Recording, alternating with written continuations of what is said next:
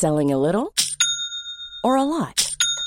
Shopify helps you do your thing however you cha-ching. Shopify is the global commerce platform that helps you sell at every stage of your business. From the launch your online shop stage to the first real life store stage, all the way to the did we just hit a million orders stage. Shopify is there to help you grow. Shopify helps you turn browsers into buyers with the internet's best converting checkout. 36% better on average compared to other leading commerce platforms because businesses that grow grow with Shopify. Get a $1 per month trial period at shopify.com/work. shopify.com/work. Many of us have those stubborn pounds that seem impossible to lose, no matter how good we eat or how hard we work out. My solution is PlushCare. PlushCare is a leading telehealth provider with doctors who are there for you day and night to partner with you in your weight loss journey. They can prescribe FDA-approved weight loss medications like Wagovi and Zepbound for those who qualify. Plus, they accept most insurance plans. To get started, visit plushcare.com slash weight loss. That's plushcare.com slash weight loss. Quality sleep is essential. That's why the Sleep Number Smart Bed is designed for your ever-evolving sleep needs. Need a bed that's firmer or softer on either side? Helps you sleep at a comfortable temperature? Sleep Number Smart Beds let you individualize your comfort so you sleep better together. JD Power ranks Sleep Number number 1 in customer satisfaction with mattresses purchased in-store. And now, save 50% on the Sleep Number limited edition Smart Bed for a limited time. For JD Power 2023 award information, visit jdpower.com/awards. Only at a Sleep Number store or sleepnumber.com.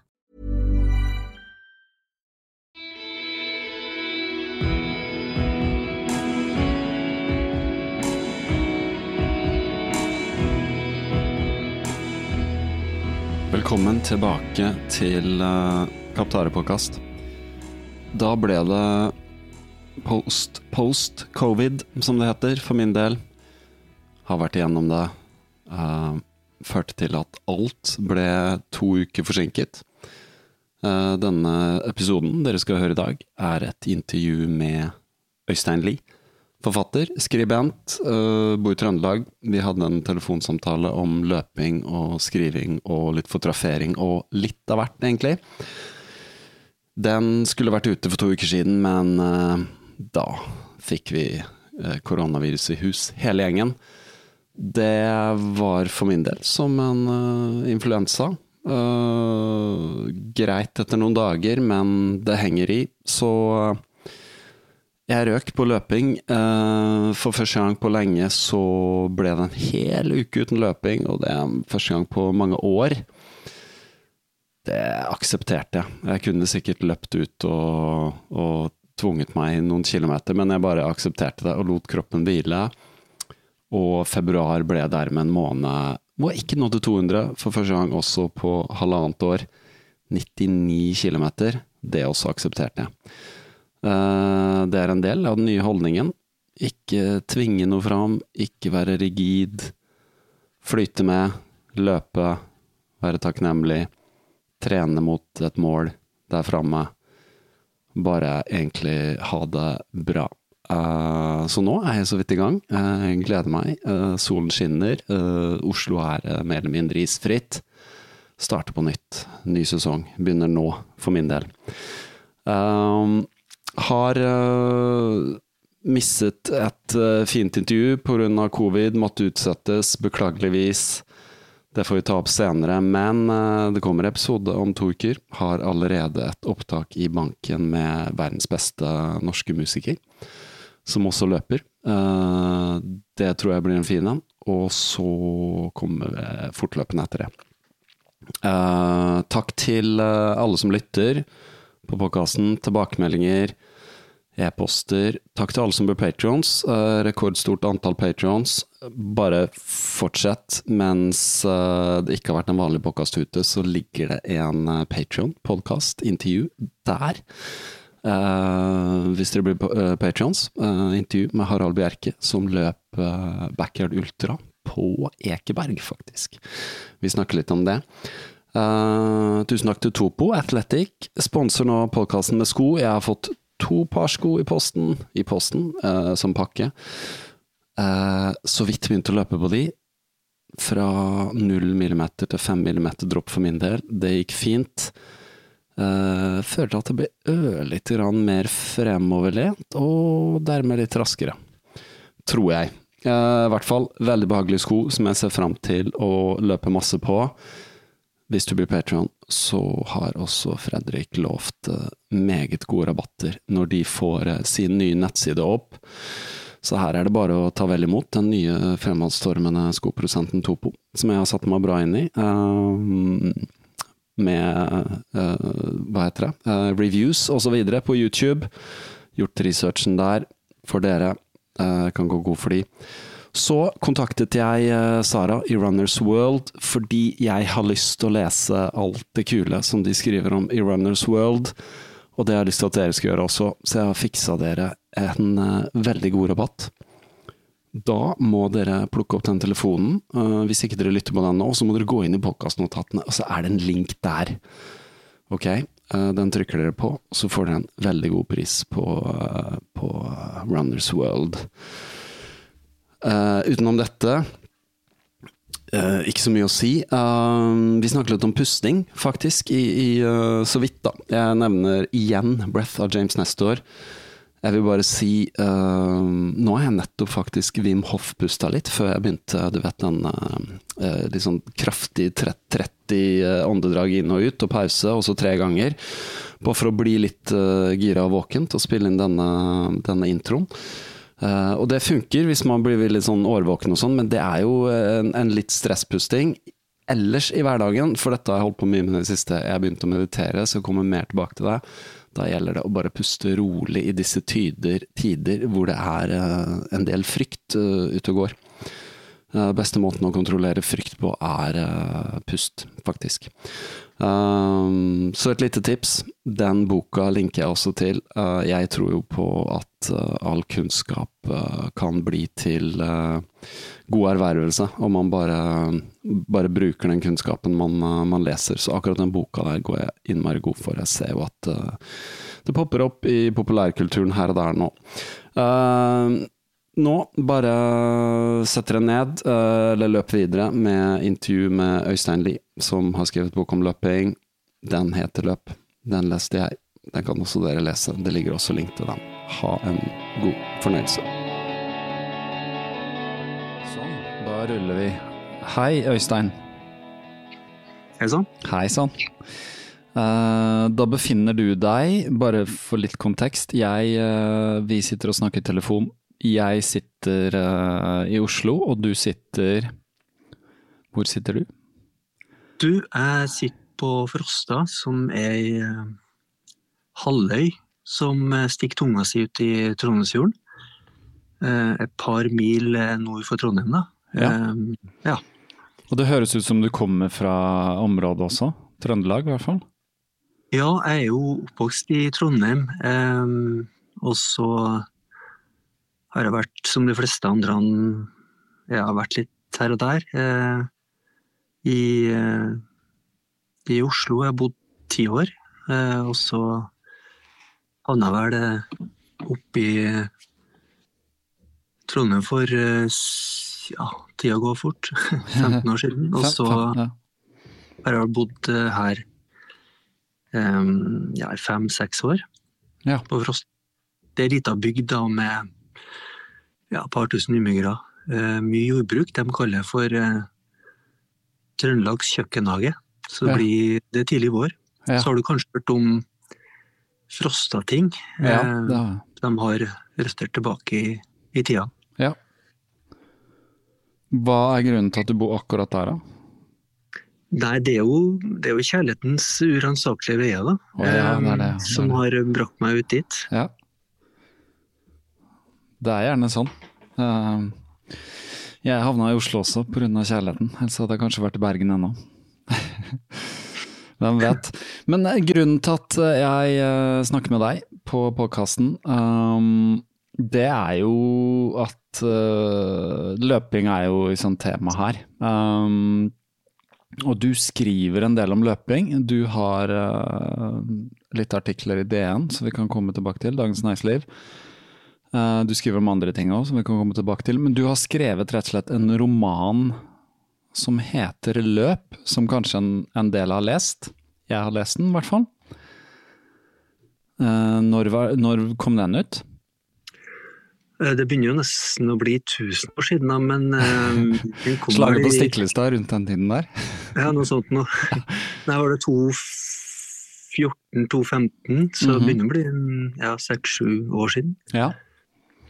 Det handler om en mann som uh, løper uh, og blir opptatt av å løpe under 40 minutter på 10 km, så vidt jeg husker. Ja, du er inne på noe der, og han eh, Det var helst før også han fylte 40, da, så han Ja, hatt Ikke blikken her. Det er mange som er litt opptatt av det her 40, under 40 før man blir 40. Uh, så da kan jeg spørre deg, har du løpt under 40 på 10, 10 km? Ja, Ja. jeg, jeg har vel eh, gjort det, da, og jeg, jeg gjorde det kanskje også før jeg var 40, men eh, opprinnelig så hadde jeg kanskje tenkt å skrive en roman om en sånn aksjemegler, eller en person som var opptatt av tall, eller, av, eller et firma som var opptatt av kvartalsresultat og ikke prosessen. Mm. Men så mm, tenkte jeg løping er jo noe jeg driver litt med sjøl, og så tenkte jeg at jeg ville forstørre den greia der da, med å ha et konkret mål eh, som ofte, eller som kan, kan komme i veien for prosessen. fordi at han, Mm. hovedpersonen i boka, så vidt jeg husker nå, eh, Vemund, han, eh, han er så veldig fast bestemt på det målet at en kanskje glemmer litt ting eh, underveis, og at eh, ja, forsøksvis at det var eh, ja, noe som jeg ville fortelle om videre enn løping, da, men at løping ble et, Mm. eh, ja, en parallell med hvordan samfunnet er litt tufta, og hvordan, hvordan ofte folk tenker også. Ja. Um, ja. Eh, Der jeg prøvde å dra han inn, og så var han jo Hans lidenskap skal han jo, skal han jo Lidenskap er jo fint, Ja. men eh, og, og mål er også utrolig fint å ha. Eh, men det, det jeg tenker med Vemund, er at han kanskje mister litt fokus da, ved at han er så opphengt i det 40 før 40 at han, han knekker sammen, selv om han da kommer i mål på 40.05 i, i sentrumsløpet. og Ja. han ikke Han klarer ikke helt å glede seg over det. Nei. Det er, eh, vet du hva, jeg kjenner en som gjorde det samme. To-tre sekunder over 40. Så- Og skulle løpe under.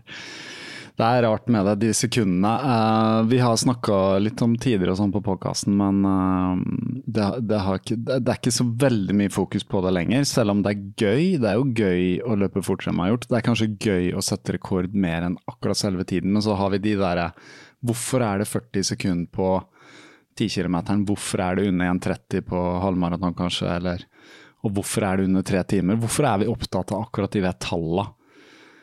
Tror du? Nei, jeg vet, jeg vet ikke. Altså, jeg har ikke noe svar på det. Eh, La oss si maratonløpet var jo ved en tilfeldighet strukket to kilometer og Mm. ja, pluss, pluss. På grunn av at dronninga skulle se et maratonløpet, jeg tror det var 1912 eller et eller annet. Eh. OL i London, var det ikke det? Ja, noe sånt noe. Ja. Og da ville jo Da ville det kanskje vært andre tall enn Men jeg tror kanskje tre timer da likevel vel, ville vært Eller fire timer, eller Mm. Eller to for de profesjonelle, ja.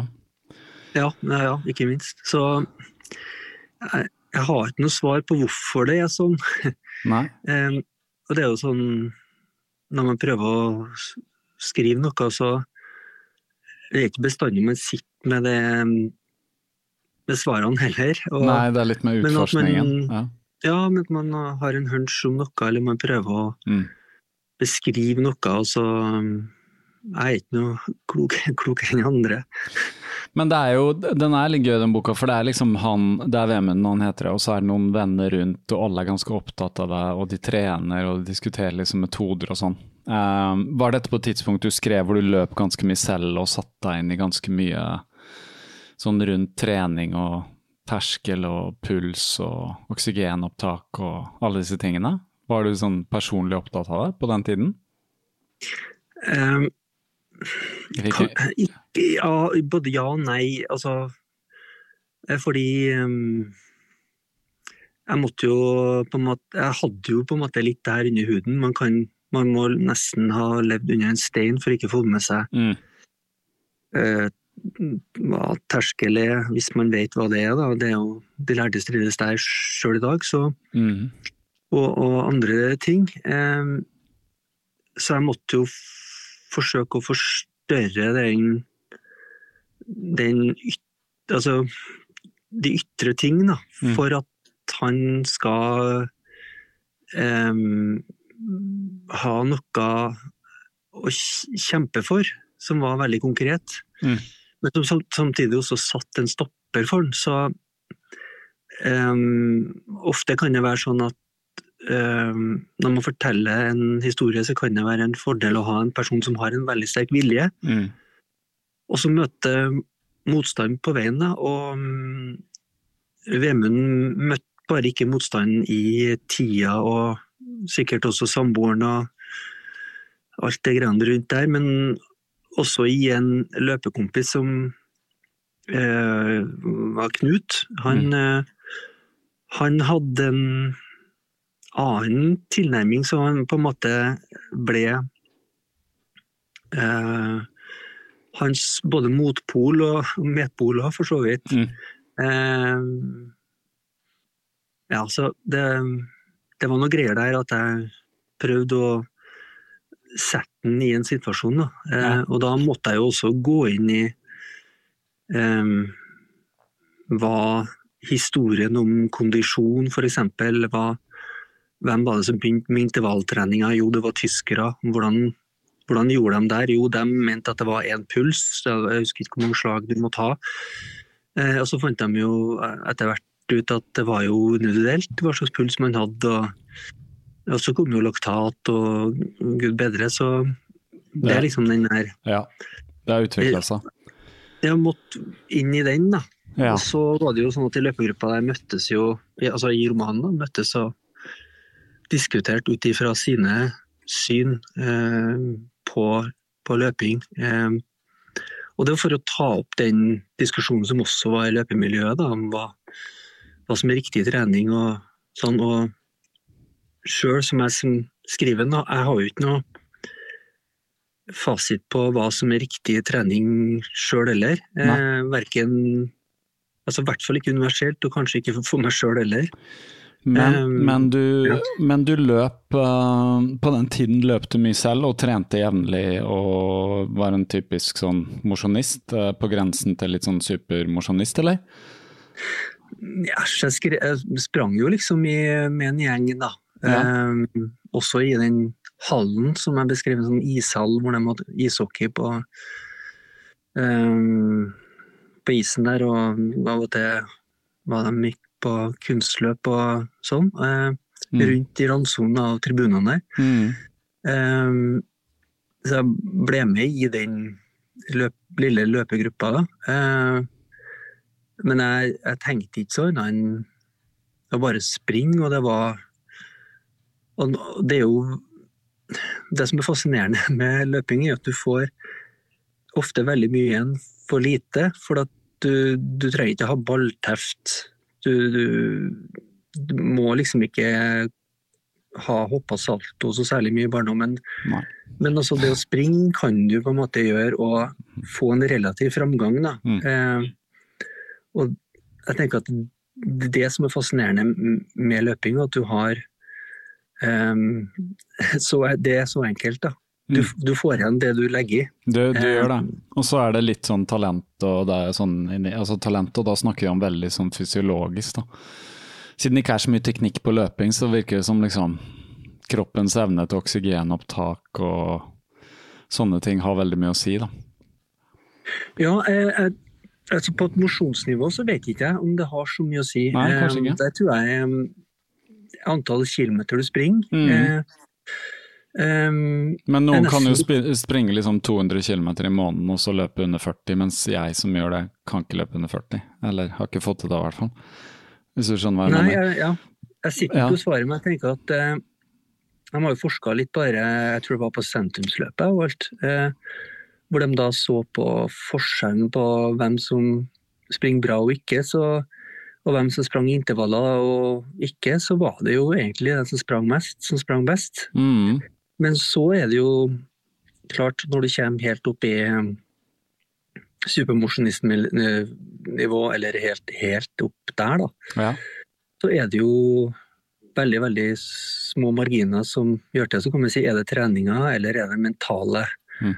greiene, eller hva er det som avgjør. Mm. Så det Og det skjer ofte både mosjonister De prøver jo å trekke ned på jorda det både Ingebrigtsen og alle bestene gjør. Mm. Eh, og på en måte gjøre en skalert ned versjon av det som de gjør. Og jeg vet ikke om det er, er på en måte noe bedre, eller om det, om det er verre, eller hva det er. Um, så kanskje det gjøres litt komplisert, da, som disse forlengelsene av boka her.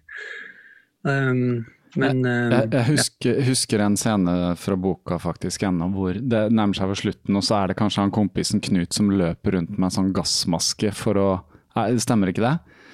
jo, jo, det, For, ja, for å få mindre Teste liksom hvis han får mindre luft inn, eh, vil han da få bedre kanskje er det lunge, altså oksygenopptak og sånn.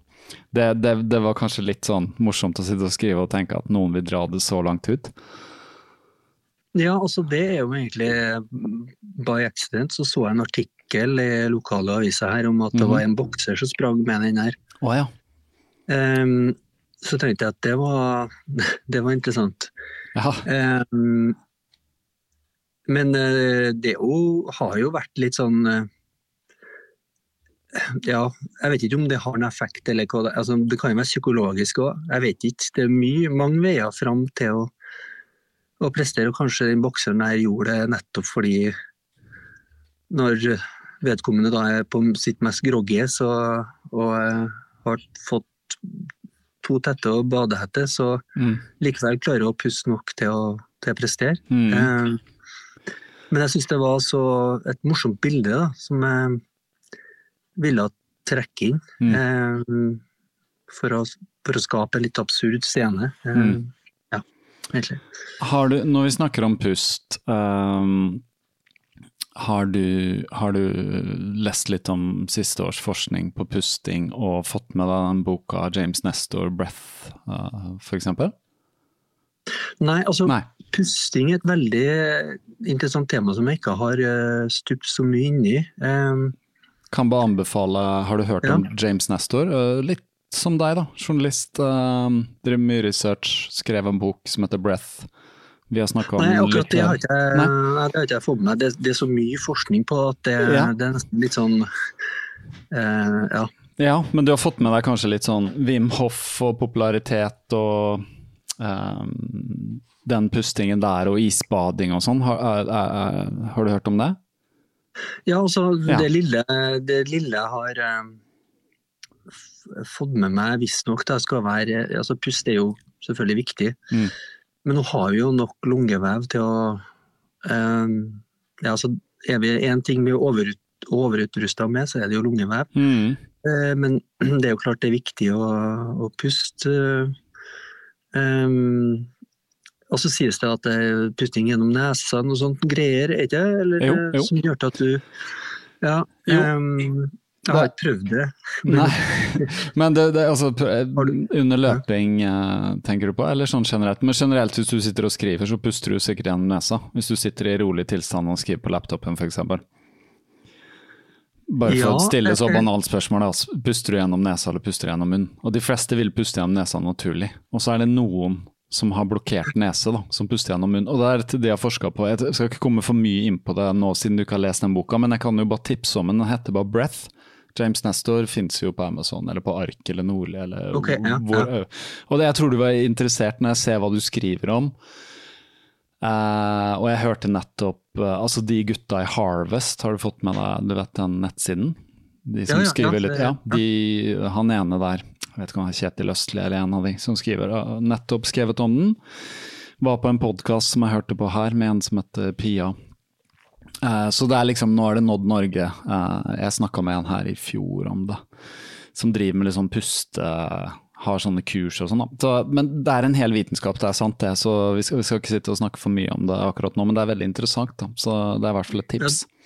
Ja, det det. det også det liksom Jeg tror Vemund ville ha kasta seg litt over det. Ja. Eh, og, og, men han eh, Emil Sattopek, han var storløperen som vant eh, olympiaden 1952, tre distanser, inkludert maraton. Han Mm. brukte jo å springe og holde pusten. Ja, det Jeg har husker jeg. sjekket hvor langt han klarer å komme fra ene til det andre, som også Ja. beskrevet boka.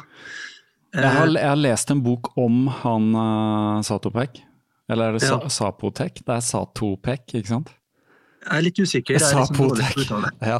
Men det er i hvert fall en, det var en periode i forbindelse med at jeg leste din bokløp, så var jeg litt sånn Jeg var nyvunnen, altså begynte å løpe 2014-2015, og da var jeg sånn Leste Born to Run og wow, og liksom hvordan teknikk og bla, bla, bla. Jeg løper jo med eh, metronom, blant annet, som gikk på 180 for å få det rette steg. Jeg var skikkelig nerdete da. Uh, Vemund, med andre ord. ja, litt Vemund, faktisk. Så ja, det, kanskje, kanskje det også. Og da lånte jeg i hvert fall en bok eh, i tillegg til din som var om han Emil eh, Satopek, som jeg tror han heter. Veldig interessant. Liten biografi, og det stemmer det. Han trente jo knallharde intervaller og løp med kona på ryggen, blant annet. Vet jeg han gjorde. Eh, wow, ja. ja han gjorde visst det. Han bærte kona, liksom. Ja. Unnskyld. Den boka du snakker om, tror jeg heter Løpe. Den heter bare Løpe, det stemmer. Den er en fransk forfatter som har skrevet Mm. uh, Jeg skal ikke prøve meg på uttalen, men det, det er som om Dag Solstad skulle ha skrevet om ja, Ja. Jakob Ingebrigtsen. Ja. Fordi det, den er skrevet ja, det, det har sånn fransk måte å skrive på, da, som man enten elsker eller hater. Eller, eh, ja, og den um, drar opp hele historien til, til livet hans og Ja. hvordan, eh, hans bakgrunn. Og, Det stemmer, og, og der kommer det også fram at han, eh, som du sier, han holdt pusten. Um, og så hvor langt han uh, kom. Og da, etter hva jeg har lest da, som har lest noen bøker om pusting, så handler det om ikke sant? Hvis man holder pusten. Det som skjer da, du kan holde pusten en stund, og så på et eller annet punkt så vil du få en sånn en trang til å puste, ikke sant? Etter hvert, hvis du prøver å holde pusten, så vil det melde seg et veldig sånn desperat trang til å puste, ikke sant? Uh, alle som har vært litt sånn ufrivillig under vann lenge, vet jo hvordan det der er. Det, det vekker en litt sånn fryktreaksjon i oss. Og fra hva jeg har lest, så er det ikke det at vi trenger påfyll av oksygen som gjør at vi må puste. Det er det at det bygger seg opp med karbondioksid i kroppen. Og det eh, vil vi bli kvitt. Så det er rett og slett det som skjer. da, at eh, Etter hvert som det bygger seg opp med karbondioksid, så vil vi slippe det ut. Og det er der trangen kommer. Det viser seg at vi kan holde pusten lenge, for vi har mer enn nok oksygen i cellene til å klare oss mange, mange minutter. ikke sant? Men eh, kroppen får behov for å slippe ut karbondioksid, for det er jo på en måte et avfallsstoff. da. Som jo er giftig i store mengder, som vi vet. ikke sant? Eh, så, så det er rett og slett det som skjer. da. Men ved å holde pusten og sånn som det, så kan du øve opp kroppens evne til å tåle mer karbondioksid. Og det mener liksom forskning at kan ha noe å si når du løper, da, for da får du jevnt over en oppbygging av karbondioksid og laktatsyre og sånne ting. Da. Så evnen til å liksom tåle et høyere nivå vil påvirke deg positivt. Da. Det er litt sånn i grove trekk det det handler om. Etter hva jeg har lest meg til. Ja. det finnes jo sånne fridryk, fridykkere som Ja, eh, er veldig eh, De har jo VM hvert år og driver og eh, De har noen pusteteknikker for å Når de puster, så puster de sånn at de tømmer seg mest mulig for karbondioksid. Uh, det er det som gjør at de kan dykke lenge. De, de oksygerer seg da også, men når liksom cellene har nådd 98 saturasjon av oksygen, så kan du på en måte ikke få plass så veldig mye mer. Da. Så det handler om å bli kvitt karbondioksid. Og det er også det hyperventilering handler om. Den Wim Hoff-metoden gjør at du blir kvitt karbondioksid, så du kan holde pusten lenger. Så Vi skal ikke henge oss for mye opp i det, men han James Nestor har også skrevet om fridykking, så det er interessant at du nevner det. Han uh, skrev en bok tidligere om fridykkere, så han har forska litt på det der. Men så er det store spørsmålet om de fridykkerne ja. um, springer noe bedre. ja, det, det, er et godt spørsmål. Og, og jeg kjenner ikke til. Hvor man skal hente inn ting for å Hvis man ønsker å springe fortere, da. Uh, men så er det jo kult å sikkert nerde på hva pust er, og hva, hva det gjør. og um, det er jo klart det er viktig med pust, vi, vi driver jo med det hele tida. Ja, uh, det er det eneste vi ikke klarer oss uh, i Vi kan klare oss uten vann i liksom tre dager og mat i 10-20, 30 alt ettersom, men pust liksom to minutter, det, så må du ha det. Så det er uhyre viktig, og det er noe vi glemmer. Det går automatisk, heldigvis. Så men ja, det kan jo være et tema for seinere, det med breath. Um, for så vidt. Uh, eller så kan jeg bare referere til en tidligere podkast jeg lagde, jeg kan sende en link. Uh, men du, du skriver uh, som journalist, det er det du er, ikke sant? Så lever av? Ja, jeg, jeg ja. Skriver da, og så tar jeg bilder, og så filmer jeg i ny og ny, og så er jeg ja. da frilanser som holdt til på Frosta. Så ja, det, det har jeg gjort de siste årene. Du skriver uh, ganske mye om løping òg, for Dagens Næringsliv bl.a. Du har til og med en uh, artikkel skrevet, gitt ut for en måned siden i januar om Therese Falk, som er en rimelig kjent ultraløper som har vært på podkasten her. Var det første gang du traff henne, eller? Ja, ja. Um, det var i forbindelse med uh, Trondheim skogsmaraton. Ja. Um, det var mer sånn hva man kaller sjangeren for future-journalistikk. Ja, ja. det, det, er ikke så mye forskning bak, eller eh, der er det bare på en måte en vanlig reportasje. Ja. Um, det er intervju på et vis, ja. Mm, og så skriver jeg av og til i DNA om ja, forskjellig forskning.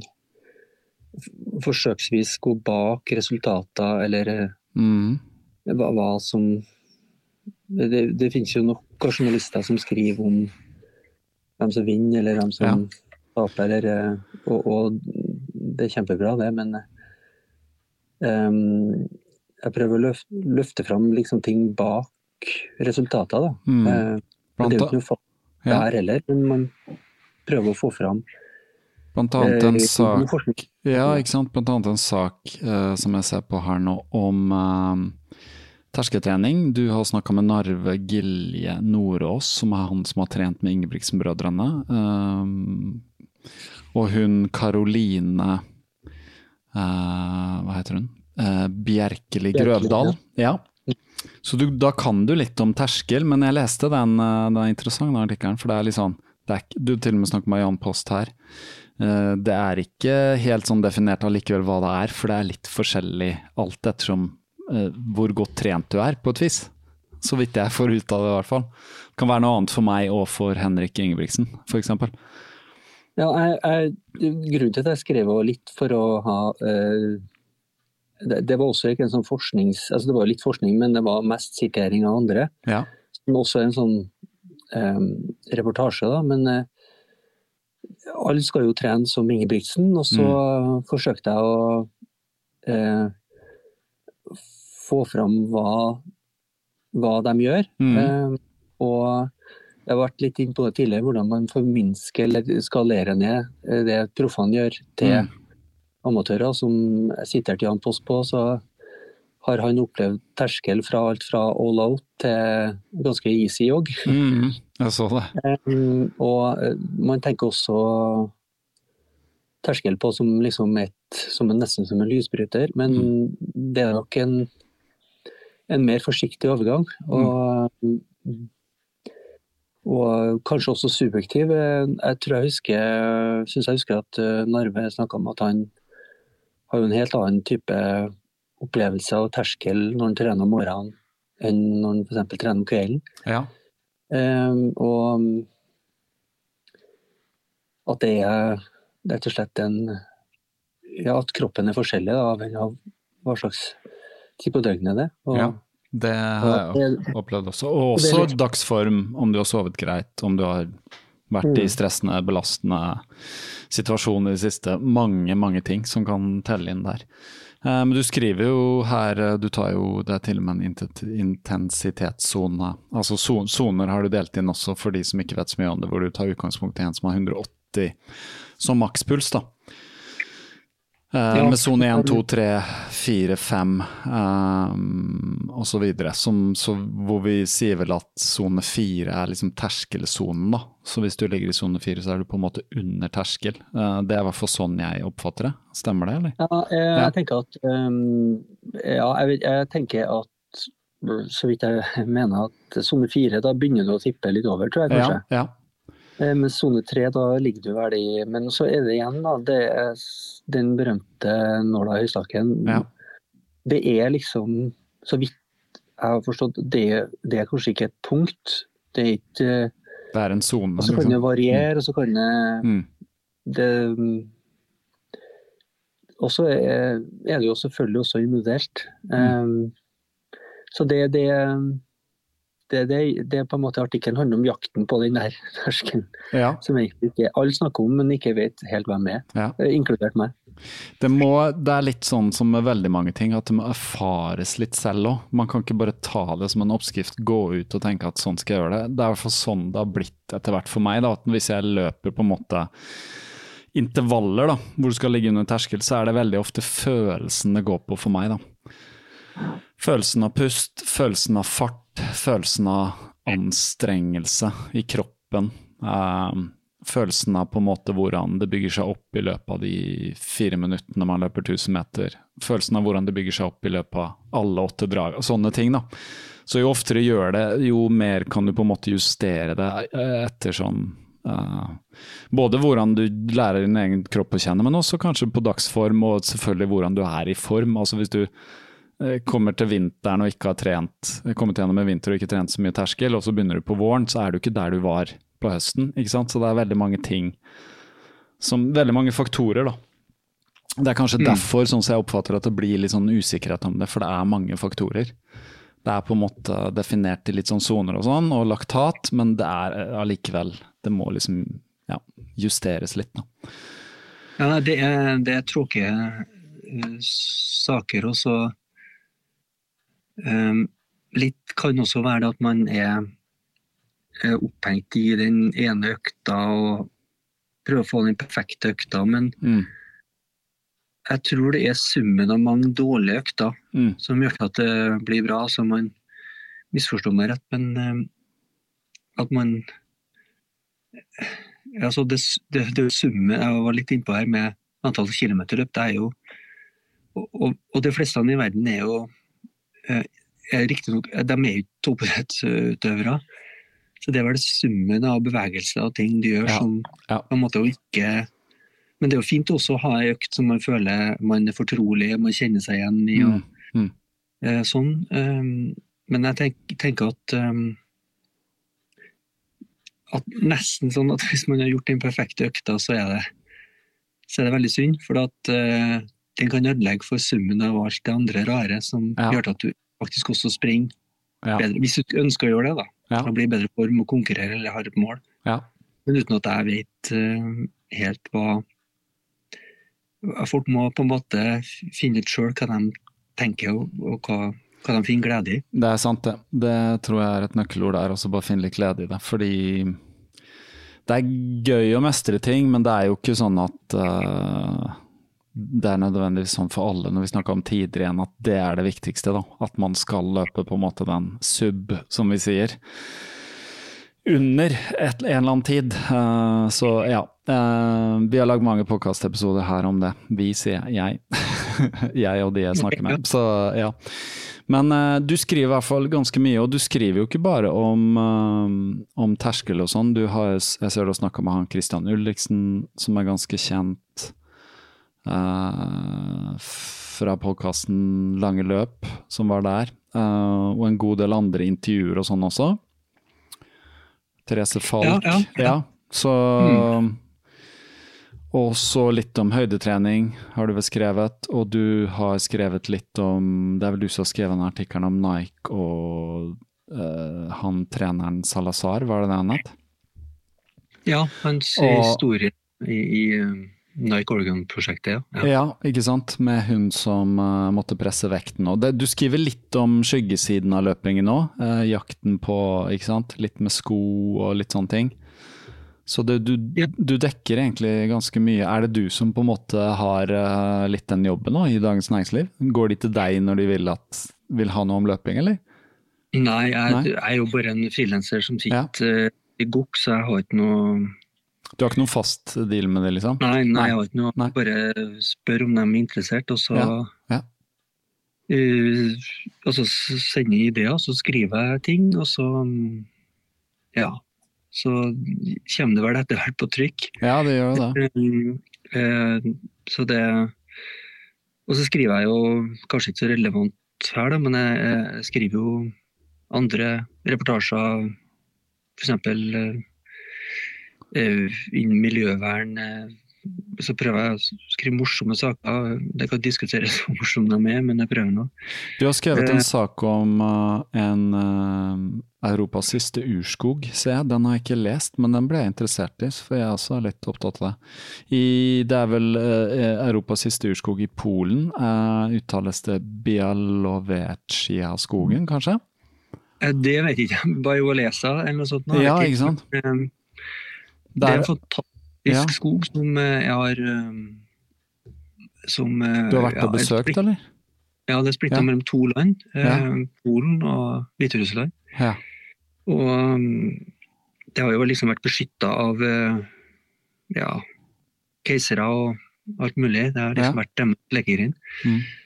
Men um, så har det jo pga. miljøendringer gjort det at barkebilene eh, har eh, gjort det veldig vanskelig for eh, grantrær. Mm. Og til vanlig så er det jo sånne barkebilleangrep, men pga. at eh, et grantre trenger ganske mye vann, ca. inneholder like mye vann som et menneske, 60% eller sånn nå, Mhm.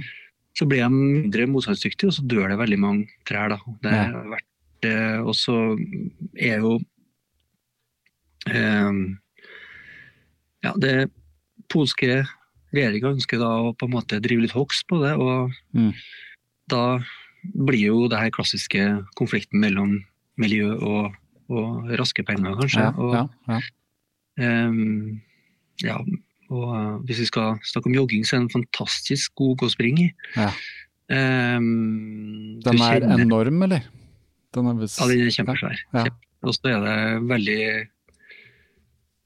veldig god oksygentilførsel, føler jeg. Ja, selvfølgelig. Eh, eh, helst ikke ha mobil eh, roaming på, for da får du hviterussisk eh, regning plutselig hvis du havner Aha. i grenseland der, som det Ja, gjør fort. ja, ja. Der. Så, Ja. Da er du på en måte utenfor Europa og må betale for det ene og det andre. Ja. Ja. Så um, det, det, det er liksom jobben min, men noe av det jeg gjør, er da uh, skrive uh, reportasjer, så er det litt mer sånn vitenskapelig basert eh, saker hvor jeg i forskning og prøver å Mm. gjøre det mest mulig eh, ja, kanskje overraskende eller oppdatert, eller eh, altså trekke inn ting som ikke har vært så sentralt, da, f.eks. transkjønnet i, i idrett. Ja. eh, Kasper-Semania-saken og ja, litt, litt forskjellige ting. Så jeg, jeg, jeg prøver å overleve som frilanser. Ja, ja. ja. Men uh, det virker jo som det går bra, i hvert fall på en måte Jeg vet ikke hva DN betaler, men uh, Du får i hvert fall en del ting på trykk der. Um, en kuriositet av en sak også, vi snakket så vidt om på telefonen. Eh, ultraløpere bruker marianer for å bli raskere, høyere. Men funker det? Eh, det var en litt morsom sak, uh, syns jeg. Jakten på runners high, rett og slett. Ja, det er jo litt eh, Det er litt humor i den, kanskje òg. Det er litt humor i den, ja. ja. Men det, viser, det er jo påviselig at, um, at kroppen produserer uh, eh, stoffet da, som Ja, også finnes i endokannabinoid-systemet i kroppen. Ja, Jeg torde ikke å si det ordet, for jeg kom til å si det feil, men, jeg tror, Um, tror det er det. men det er liksom at uh, Men så er det sikkert noen ultraløpere som har tenkt at hva med å få i seg enda mer av det? Mm, Kanskje det eh, øker prestasjon, eller bedre prestasjon. Mm. Eh, og det igjen kunne jo vært med i den romanen hvor man da, som ofte veldig mange eh, er da amatører og skal presse de små, små, små marginene, ja, ja, ja. kanskje ved å gjøre det. Ja. Og det kan jo ha diverse utslag, kan, kan man også tenke. Um, så det, det, det er ikke overraskende at man uh, forsøker å, å hvert fall når man driver i, i såpass ekstrem idrett som, som ultraløp er, da, at Ja. det finnes en del. Så nevner jeg også da en eh, verdens raskeste, høyeste løper som da var med i et eller annet mesterskap. Jeg husker ikke så mye av teksten nå, men eh, Det er han Det ble- ble Avery. Avery Collins, eller? ja, Ja. som da skulle være med på et løp, og det gikk veldig dårlig. Så ehm, det er ikke sikkert det er den raskeste veien heller. Nei, det er jo ikke det. Nei, det er litt, det men det er kuriositeter. Men det er i hvert fall litt sånn gøy. eh, Det er ikke så mye sånn annerledes man leser om, føler jeg, med løping. Da. Det er som du sa, enten intervju de som vinner, eller så er det den klassiske trening med terskel og alt det der som blir tatt opp på nytt og på nytt, og hvor han blir raskere og sånn. Uh, men det skjer jo mye innen forskning og innen uh, ja, uh, på en måte erfaringer også, etter hvert som mange tester nytt. Men så er det jo også Du sier jo du fotograferer også. Du er ganske opptatt av foto. Det snakka vi så vidt om uh, sist jeg snakka med deg. Du har en fotoutdannelse, stemmer det? Var det sånn?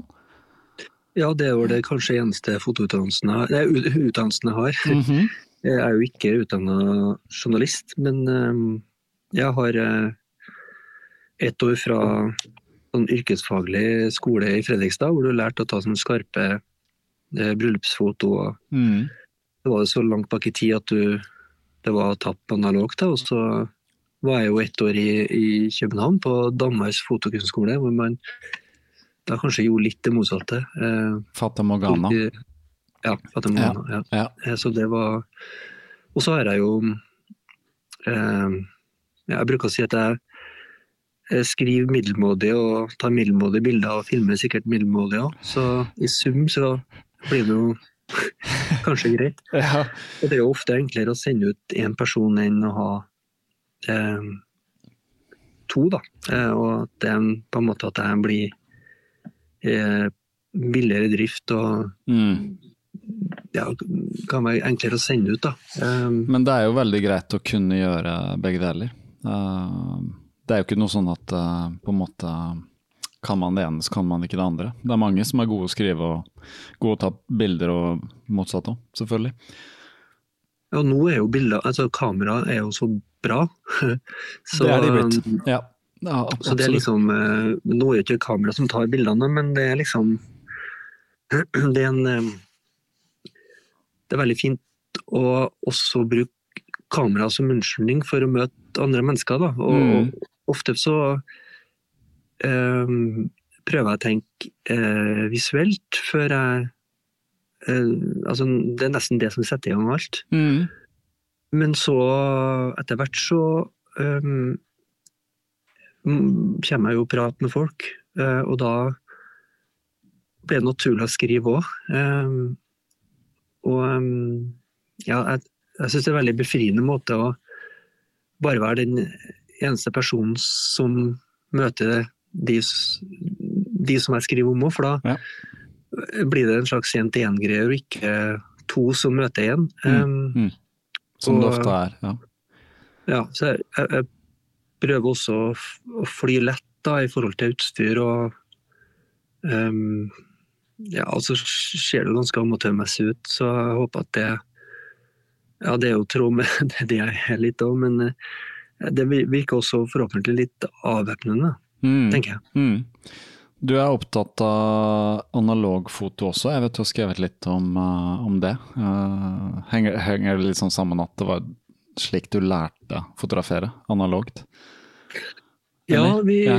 ja, det er jo det. Jeg begynte jo Jeg begynte jo i avis uten å vite noe som helst. Jeg skjønner ikke hvorfor de jeg dro meg inn i adressa. Det var, jo, det var jo bare flaks. Men jeg hadde jo ingen erfaring og 19 år og kunne ikke ta bilder eller noe, så jeg lærte at uh, hvis jeg sikta på en kant, så kunne jeg se, altså vri til objektivet sånn at det var skarpt inni søkeren. Mm -hmm.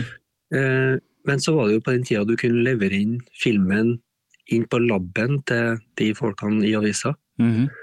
Og jeg tror jeg var litt plagsom der. Um, og jeg fikk veldig gode råd, og, og, og så tenkte jeg noe, kanskje litt forutseende for en gangs skyld, at på et eller annet tidspunkt så ville det være mulig å sitte på en fjelltopp og både skrive og ta bilder. da. Mm. Um, og da tenkte jeg at jeg ja, at det kanskje var lurt å ta fotoutdannelse. Mm. Um,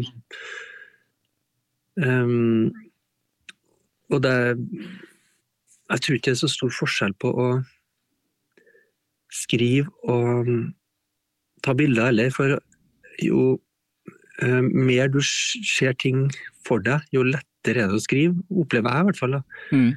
Um, og ofte hvis man vet sakskompleks, så kan man også skrive eh, mer presist. Mm. Um, I den grad er, er presist. Noen ganger så er jo ting ikke klart, og da må man prøve å skrive ikke klart. Mm. Um, um, ja. ja. Jeg prater meg litt bort, men svaret er ja. ja, ja, ja, ja. Uh, jeg har ikke den saken foran meg nå, men jeg mener å leste at du skrev noe om Berlin, fotobutikk i Berlin, stemmer det? Har du vært i Berlin uh, på en sånn analog fotobutikk der? Ja. Det har jeg lest uh, før, tror jeg. Ja um, For jeg drev og kjøpte jo... noe fra en fotobutikk i Berlin, jeg lurer på om det er der. De lagde noe ja. sånn De lagde vel Eh, tok opp dette Agfa-papir og ble litt nerdete på foto, kanskje, da, men de tok liksom og brukte gamle eh, maskiner og lagde liksom, fikk liv i gamle Agfa-filmer og papir og sånn. Adox og sånn. Sier det deg noe? Ja, ja, jeg var jo innom den der um, fotoforretninga hvor de har ja. egen, utvikler egen film, da. Ja, Adox, er det den, eller? Ja, ja Adox, ja. ja. Um, jeg hadde ikke noe mye forhold til akkurat den fra før, men um, uh, det er jo en sort-hvitt-film, og så hadde jeg med meg sånn Mamia 220C eller noe sånt noe, mellomformat, som jeg gikk og mm. drassa litt på. Mm. Um, som jeg tok en del bilder med, og så hadde jeg et annet kamera hvor jeg da tok småbilder, og så, og så ble det en eller annen tekst ut av det. Mm. Jeg, jeg tror ikke helt passa med profilen, eller den Den var Jeg var, var fornøyd med den, men den passa ikke inn i profilen helt, eller jeg vet ikke helt, men um, Men tenker på til uh, DN, ja, eller? Ja, til, til, til, publikasjonen, da. Men, ja, ja. Uh, men, uh, men, det var det De var vel sikkert i nød for noe, men ja. så skrev en sak i NRK hvor jeg tar utgangspunkt i et fotografi av, av, av mor mi, hvor hun da uh, har et litt rart og funny uttrykk i ansiktet, og så um, skriver jeg om hvordan mobil fungerer i dag, hvor, man, hvor da telefonen velger bilder for deg, ja. eh, livefoto, mm. uten at jeg har så mye peiling på det. men mm. Eh, Og så intervjuer jeg flere hvor da eh, sikkert noe gammeldags sukk fra museet med at man da går glipp av de bildene som mm. ikke er perfekte. Mm. og at alle blir de perfekte smilene og har det riktige, men vil vi da la eh, AI, altså kunstig intelligens, ta over eh, for fotograferinga? Um, ja. Det du refererer til er på en måte den live-fotofunksjonen på iPhone f.eks. Som man kan skru av og på, som jeg ikke helt skjønte hva var i begynnelsen. Er det en video, er det en liten snutt, hva er det? Men det er jo nettopp det der. Den, hvis du tar bilde av noen, så tar den på en måte et sekund, og så plukker den ut et stillbilde der hvor du ikke liksom blunker og ser rar ut. ikke sant? Det er det du refererer til her. Ja, noe sånt. Ja, nå har jeg ja. forstått det som ja. Ja. Um, Mens du kan liksom, hvis du holder på bildet, så kan du se at det er en liten snutt. Det er, som en, det er som en bitte liten video, liksom. Ja. ja, og så velger den da som sagt det bildet, men, så, men så tror jeg du kan gå inn da, Mm. og endre hvis du vil. Men eh, spørsmålet er jo hvor mange som gjør det. Um, Men det er sant, det, det er rett og slett den der at den er forsvunnet, den eh, familiebildet når vi var små, hvor liksom far tok ett bilde. Nå er vi her, stiller opp, ett bilde. Og så hvis noen blunka da, eller hadde tunga ute, eller sånn, så var det sånn det bildet ble, og det havna i albumet sånn. For det var det bildet man hadde fra det stedet. Eh, Men nå er det jo ikke sånn, for det, nå tar man 1000 isteden. Og filmer det hele, og ja, det er ikke måte på. Så det har jo endra seg. Ja, det er kanskje der den store forskjellen på analog og digitalt, da. Det sies at eh, det tas flere bilder i løpet av en dag enn gjør hele for eh, århundret. Det gjør det sikkert. Og det, det er jo bra, det òg. Altså at fotet overlever. Så Ja jeg tenker Altså, man kan si mye nostalgisk om å stå i mørkerom, men eh, særlig miljøvennlig var ikke det. Nei, det var ikke det. Det var det som slo meg etter hvert òg. Jeg jobba ganske mye med det her. Jeg underviste, som jeg nevnte, i fototeknikk. Vi måtte jo ha sånn dunker vi tømte fiksen i, og så måtte vi få sånn spesialfirma til å hente sånn spesialavfall og sånn, for dette er jo syre, rett og slett. Eh, Men der nede hvor jeg hadde mørkerom sammen med andre fotografer, der var det ikke snakk om det. Helt vi den der fiksen rett i vasken. Da. Og etter hvert begynte å tenke på hva vi driver med her, liksom. Eh, Ikke bare he- heller vi syre ut i, i kloakken, vi heller også sølv, faktisk. Sølv, som finnes da i papir og film. Uh, og det er rett og slett, uten å bli for teknisk på foto, men når du fikserer papir eller film, så gjør det at det ikke er lysfølsomt lenger, og det gjør du ved å fjerne sølvsaltet som ikke er eksponert. da. Ikke sant? Så det er sølv, sølvnitrat og hva enn det heter, jeg husker ikke. Uh, men det er jo metallet sølv, og det blir bare fiksa bort og skylt bort. Så jeg vet det at mye av den fiksen vi leverte, der hadde de sånne spesielle magnetgreier som skilte det ut igjen. Så de tok det sølvet ut, og det er jo på en måte uh, gjenvinning på et nivå. Men uh, jeg husker en av grunnene til at For film steg jo så innmari pris fra begynnelsen av 2000-tallet når digitalt kom. Og det ikke bare fordi at det ble solgt mindre, men også fordi sølv ble dyrere. For det ble jo vanskeligere å finne det med liksom dypere gruver osv. Så, videre, og så, videre. så i dag koster vel en film jeg vet ikke, det er en over hundrelapp per film, liksom. Mens du før fikk tre fra den prisen for 20 år siden, så 300 økning, da. Noe sånn. Ja, det har vel det gjenspeiler jo på en måte altså, de, Det sies jo her at etter ja, øh, Hvis vi løser dere øh, miljø, klima- og miljøproblemene, så Mm. vil det kanskje neste være øh, råvarer. Ja, Eh, ja.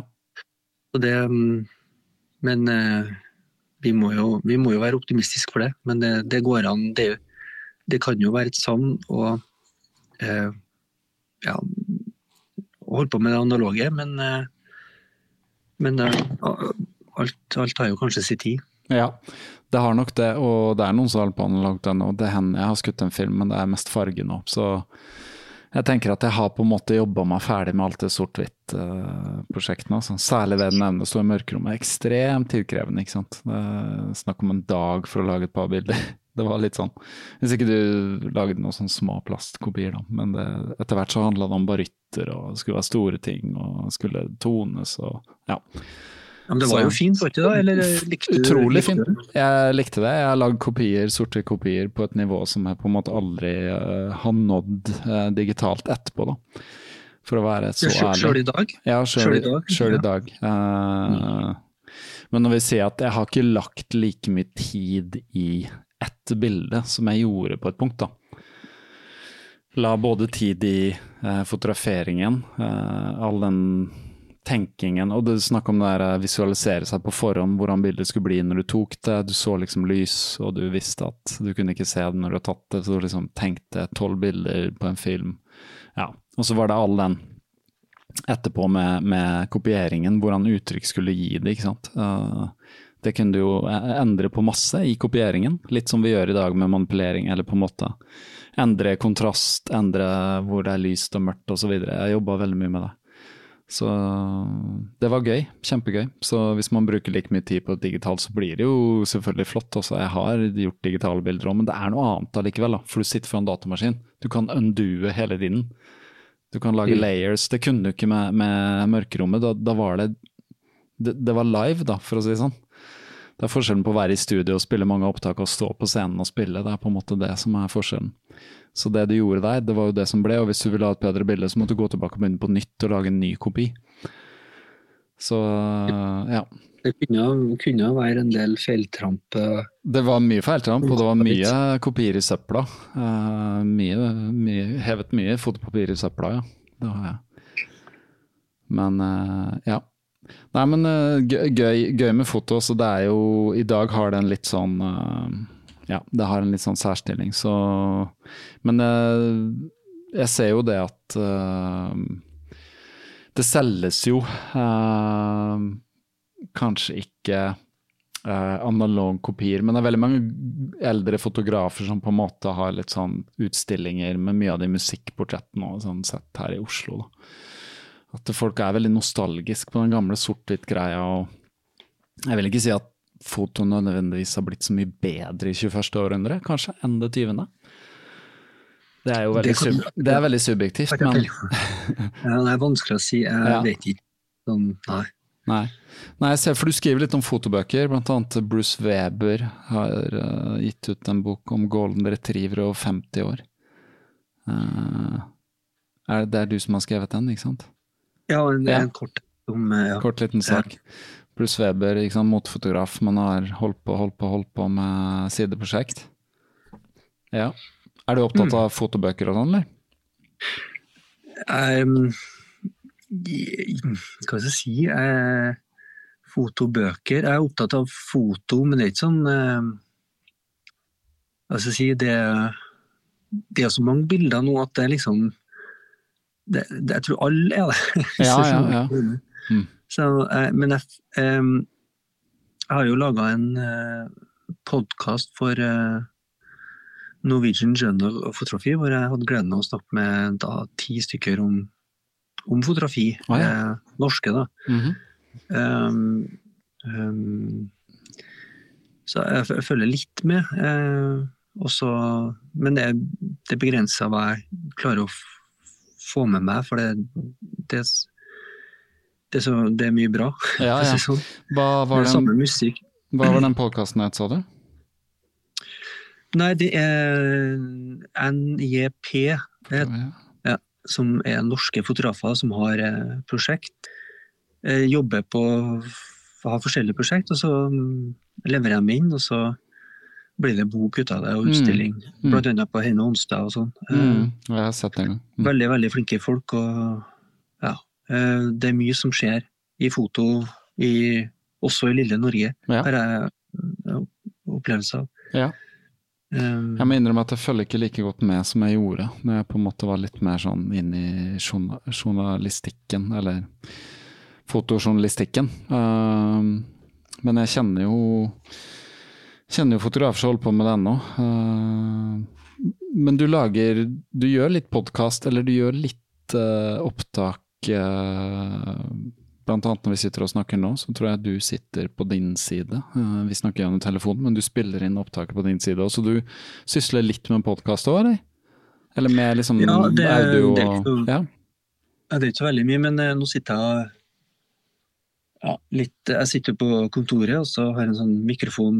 Uh, ja. Mm. Uh, men det er veldig på veldig lavt nivå. Men altså, jeg laga en podkast i samarbeid med Institutt for journalistikk, da, eh, som handler om forskjellige arbeidsmetoder som journalister har. Mm -hmm.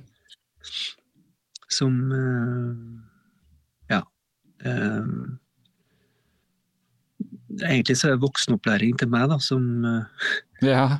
Men, også, men også eh, forhåpentlig folk som Det har vært mye prat om fake media og, og alt det greiene der, men jeg tror hvis man hører på den podkasten der, og også andre altså, hvor journalister snakker om hvordan de jobber, Mhm. så vil man skjønne i hvert fall at det er, det er en samvittighet bak Ja. hvert ord. Det er, det er ikke eh, det er ikke bare oppspinn og tull. Eh, og noe kan selvfølgelig være det, men eh, sånn som jeg opplevde det på, på podkasten her, eh, som jeg laga, da, er, er det grundige folk som, som har et hjerte på å fortelle ting som, så sant som mulig.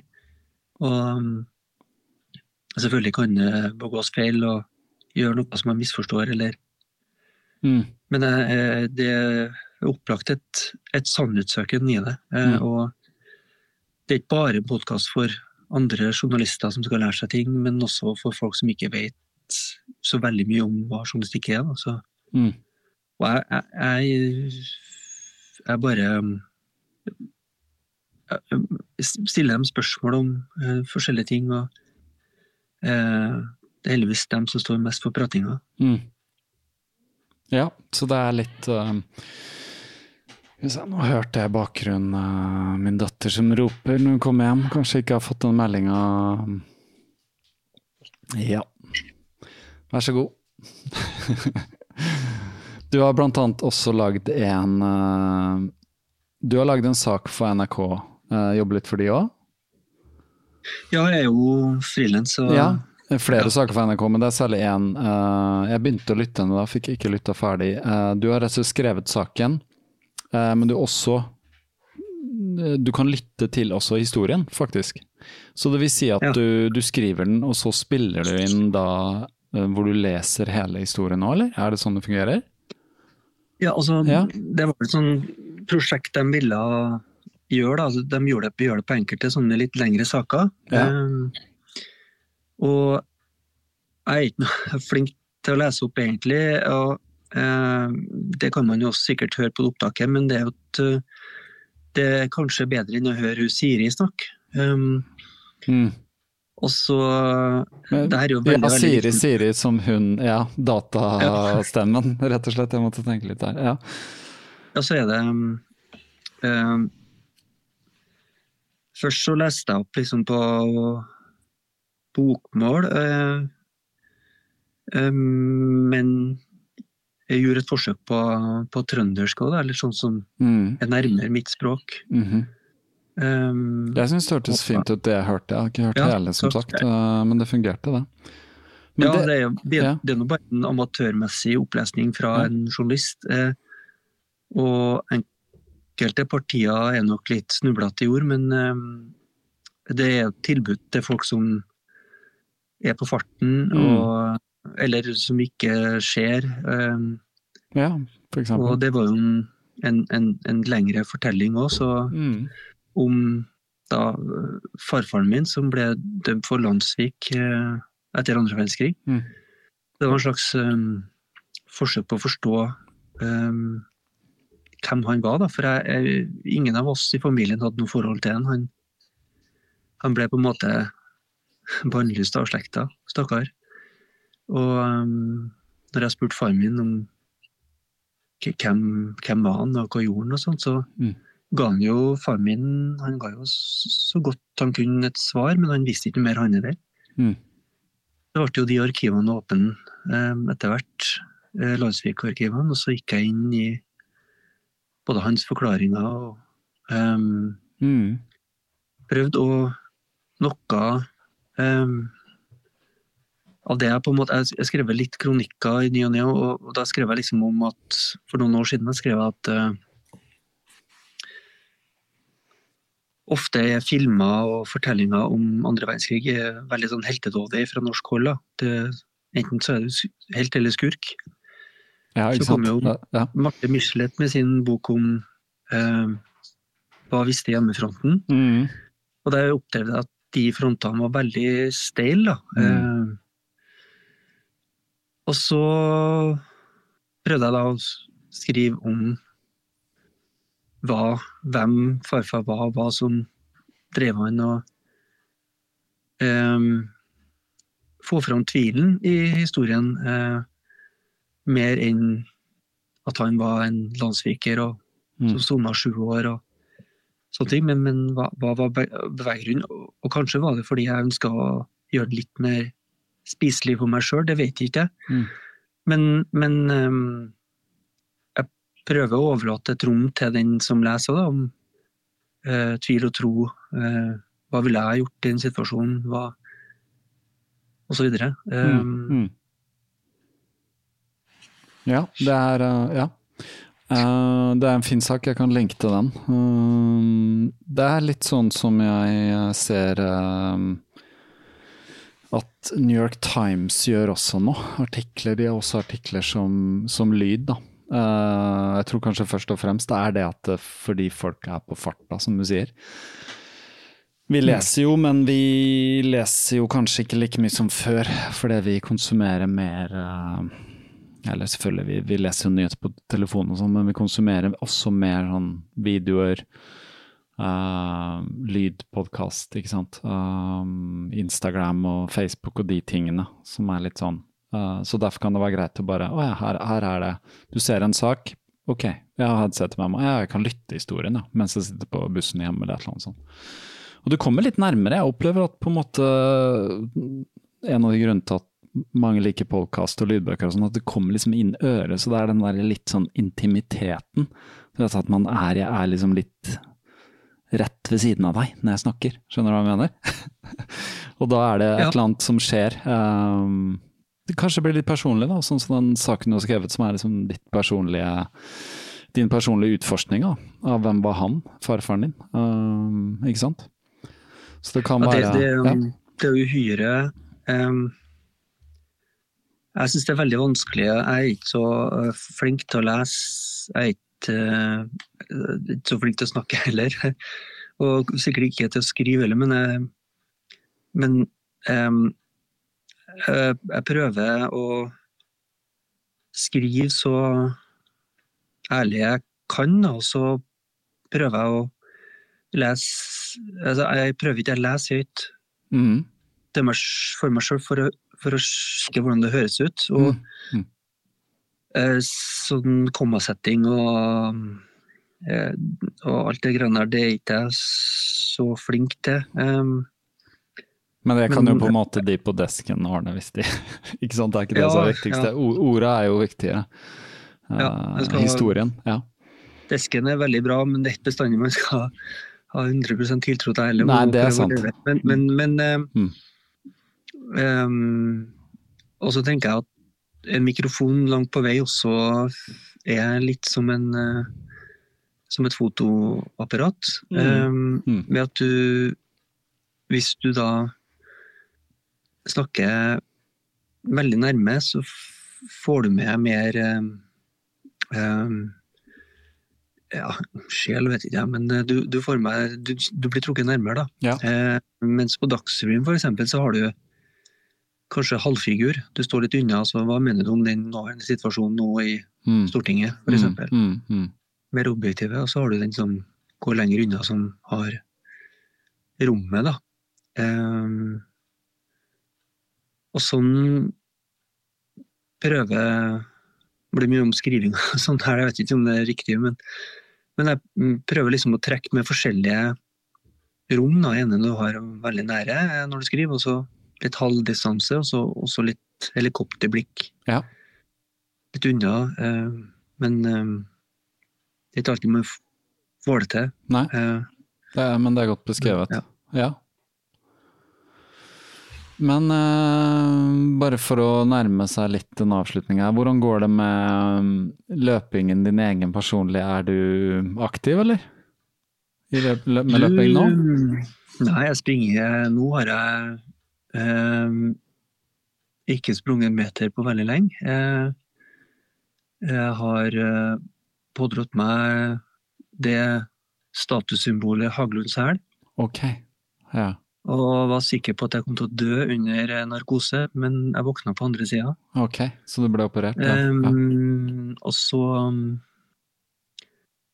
driver jeg med Ja, eh, nå driver jeg og sykler, da. Intervaller. Men altså stående. Um, Ja. Fordi at da er det mer sirkulasjon Ja. i kroppen. Mm.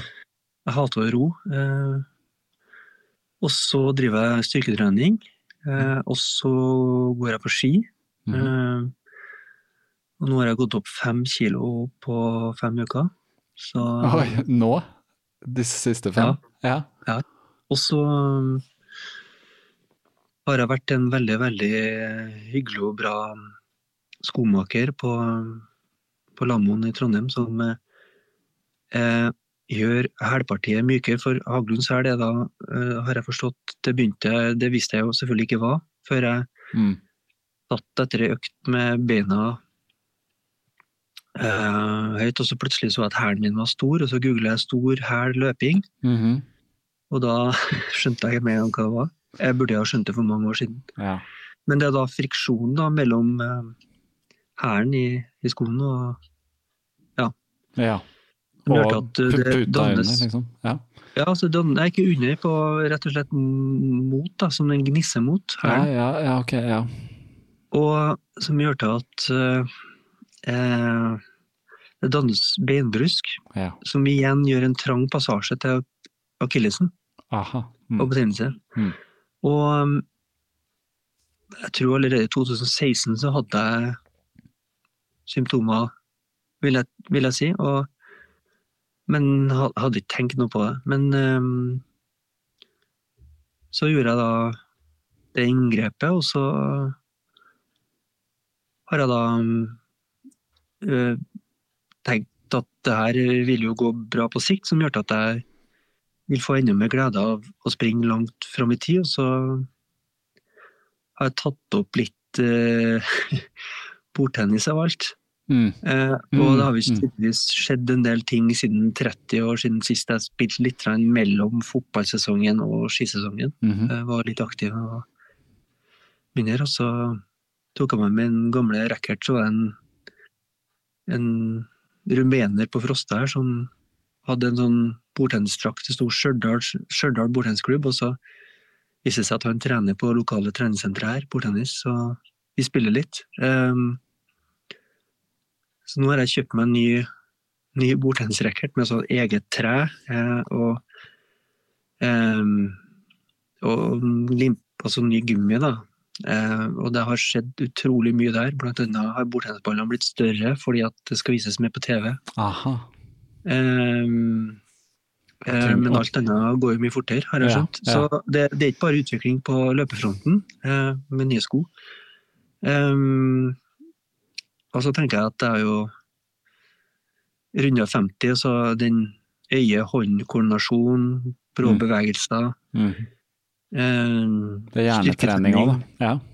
Ja, og litt skigåing og litt sånn, så Men jeg har jo fremdeles et mål om å slå svigermors i tid på, på maraton, for der har hun sin dårligste personlige rekord, da. Så Men om jeg stiller til Berlin nå til høsten, det blir vanskelig, tenker jeg.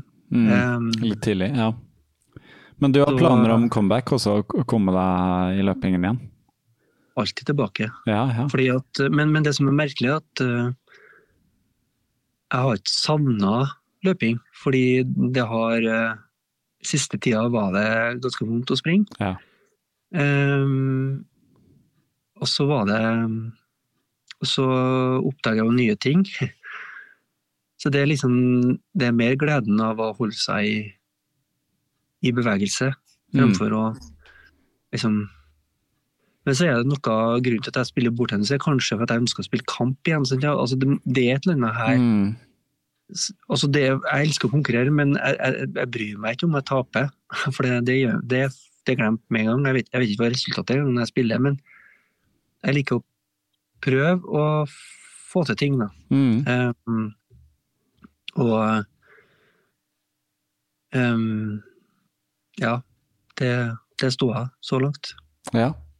Nei, men Gøy å høre. Da får vi bare håpe at den hæren eh, kommer seg tilbake til på en måte der han skal være. da. Var. Jeg tenker at den kommer tilbake til enda bedre der den var. Ja, ja, ja. den kanskje springer enda bedre. Ja. Um, eller i hvert fall ha er mer glede av det.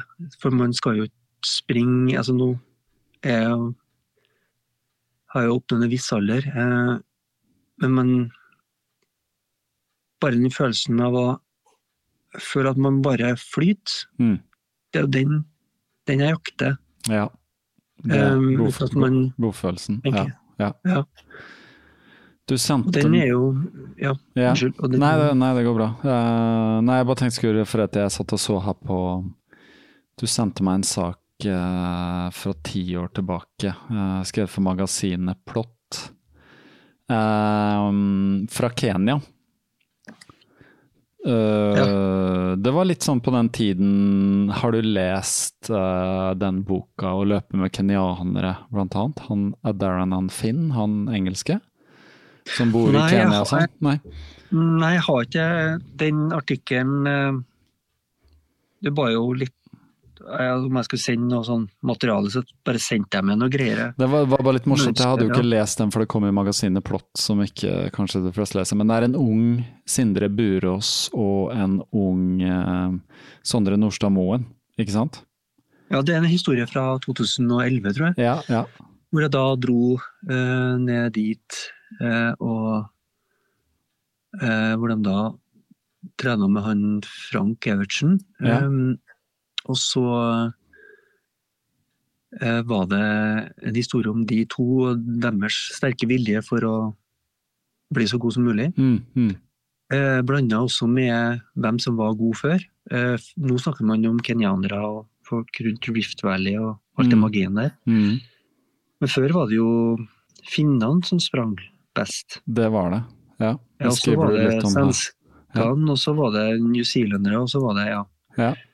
Og um, hvis man da ser på høydetrening, eh, så kan man jo tenke at det er jo de Himalaya som burde ha sprunget best. Ja. Men, men eh, ja. Nei, så drar du, drar du liksom den historien til Sindre og Sondre, og hvor de da på den tida spekulerer og kanskje skal kjøpe seg et hus der og Ja. Gå all in. Eh, Han har jo fortsatt å trene veldig mye der. Eh, ja, sant? absolutt. Han, ja. han er der. Nå vet jeg ikke helt Og- hvor han er nå. Um, han bytta Nei, vel ja. eh, trener kanskje fra han italienske Canova, eller? Til Ja, han han- eh, ble jo ble jo, trente jo en periode også med Canova. Mm, eh, Canova. Mm. og nå er vel det, det samarbeidet på en måte offisielt over, da. Mm. Eh, og så er vel det Det neste store er vel det Sevilla eh, maraton som går eh, ja, ganske snart nå. 20. Ja. februar. Om Ja. ti dager, når vi snakker Ja, her. Der løper Eh, Sondre, eller? Ja, han skal gjøre det, så vidt jeg har skjønt. Um, og så tror jeg han uh, Ja, han Han trener vel på sitt vis nå gjennom Han har jo blitt uh, erfaren løper. Så Mm. um, det blir spennende å se hva, hva han får til. Han driver jo med en helt annen idrett enn de fleste av oss. Han gjør det. Um, han har på en måte Han har jo noen utrolige prestasjoner. Hadde europeisk rekord på maraton, men han har kanskje ikke klart å komme helt tilbake der. Uh, det var kanskje en av grunnene til at han bytta trener òg. Um, hva vet jeg. Jeg har ikke fulgt med så godt uh, i norsk løping som jeg sikkert burde, i forbindelse med at jeg lager en podkast om løping. Men uh, det er en annen podkast om løping i Norge som snakker veldig mye om løping, som heter I det lange løp. så det er mange som hører på den, da får de litt med seg der hva som skjer i den verden, tenker jeg. Det er liksom noen Det er NRK, ikke sant. Det er uh, journalister som er uh, 100% lønna, som kan drive med dette. Um, det er jo ikke jeg. Så jeg følger med på uh, mye forskjellig. Uh, som sikkert du òg, som skriver om en del forskjellig, selv om du skriver om løping òg. Uh, ellers, hva skjer framover med deg? Hva jobber du med akkurat nå, f.eks.? Kommer det noen saker ut snart som handler om løping som du har skrevet, eller har planlagt, planlagt å skrive? Uh, ja, nå holder jeg på uh, Hva holder jeg på med nå? Nei, jeg er på å prøve å få ut én sak um, Ja. Uh, og så er det Hjelper jeg til litt med bok, og så har jeg egentlig Akkurat nå så har jeg ingen sånn Jeg har noen saker som er på vent, da, som er på vei ut. Mhm. Um, så akkurat nå, neste par måneder så har, har jeg ingen sånn spesielle eh, prosjekter, eller noe Eller jeg har prosjekter, men jeg har ikke noen sånne spesielle saker, egentlig. Nei. nei. Eh, Men det, det Det skjer jo hele tida med, med ideer eller ting man har lyst til å skrive. Og så Hvor, hvor er det du liksom orienterer deg for å få med deg litt hva som skjer da, rundt om i, verden? Hvilke publikasjoner er det du leser? Jeg, Sånn. jeg vet ikke om jeg Jeg vet ikke om jeg Jeg, jeg vet ikke om jeg kan gi noe presise svar, for jeg, jeg, det er liksom Det skjer liksom bare um, litt hva, hva ting bare dukker opp, på en måte. Jeg vet ikke hvordan det skjer. Eh, Mm. Uh, Men Og så er det noen innen løping og vitenskap eh, søker jeg jo litt på uh, forskjellige temaer. Mm. Uh, jeg tenker, ofte tar jeg utgangspunkt i hva, hva er jeg nysgjerrig på. Eh, Mm. hva, hva, eller hva som kan times nå, for eksempel eh, Det ble ikke all verden i den artikkelen, men det var om, om høydetrening. Eh, hva er det hva er det Norge gjør før eh, OL nå? Ja. Eh, jo, de flesteparten driver tilpasning av høyde, og ikke De hadde jo kjempesuksess under Seefeld. Eh, Mm. Hvorfor tenker de sånn? Eh, altså får jeg fram litt forskning på også, også fordeler og ulemper med høydetrening. Da. Det er jo Mm. mange som går i baret. Um, men så er det jo det er jo toppidrett. Um, og kanskje man skal gjøre sjanser som Therese Johaug har gjort, da, rett og Ja. slett. Um, og, og, og Marius Bakken har jo en jeg har jo veldig vitenskapelig forhold til, til høydetrening. Mm. Um, men da beskrev jeg i artikkelen beskrev jeg hva, hva, um, hva landslaget Altså hva langrennsfolkene og har landa stort sett ned på. Mm. Um, og tima opp mot OL, da. Um, så har det jo siden vært en debatt om nettopp høydetrening. Eh, hva eh, Om det er riktig om Kanskje de må sove litt mye i timen etter C-felt. Eh, Mm. Det vet jo ikke jeg. Eh, så jeg prøver også å time da, temaet ut ifra Hva som skjer. Ja. Ja, og så kan det være en ren nysgjerrighet. Koffein, eksempel. Hva, Mm. hva, hva gjør det? Um, mm, også dere med var veldig hot, dere med forskninga rundt eh, karbonsko eh, sin tid. ja. Jeg Det- å Har du, fram har du løpt med deg selv, eller? Ja, ja, ja. Ja, ja. klart. Ja, ja, Eh, klart. Det er morsomt. Bare ta først koffein. Du nevner koffein.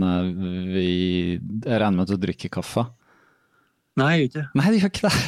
Det er alltid litt morsomt, fordi det er sånn, når noen sier ikke drikke kaffe, det er sånn jøss, drikker ikke kaffe. Det er jo kjempe Jeg kjenner noen som ikke drikker kaffe, men det er ikke så mange. Eh, nei, da skjønner jeg at du blir nysgjerrig på koffein. Men har du erfaringer med koffein? Har du liksom fått i deg koffein noen gang? Og kjent hvordan det fungerer? altså, jeg, har jo, Ja. jeg har jo skrevet en, eh, en idé D2 om det med koffein, da. ok, Eh, og det bør jeg nesten finne. litt Og da trekker jeg inn vitenskapen, da, hvor da man har Altså, det var vel i 2003 det ble lovlig en koffein, eller noe sånt nå. Et eller Ja. annet tidspunkt. Ja, ok, for det var det ikke. Eh, men, men så har de jo tatt uh, mm. prøver uh, for å sjekke hvor mye Altså for å sjekke hvor stor prosentandel av utøverne som bruker det, og det er jo kjempehøyt. Ja. Um, og så har jeg forsøkt å beskrive hva, hva som skjer med kroppen. da. Mm. Um, at det blokker for visse sensorer som har noe med søvn å gjøre, eller trøtthet. da. Riktig. Det, Og så mm. skrev jeg, prøvde jeg å gjøre det litt personlig med å skrive litt at jeg springer, jeg springer Når foten er bra, så springer jeg intervaller rundt en sånn ja, liten, liten travbane, Mm. eh, eller lite vann. da.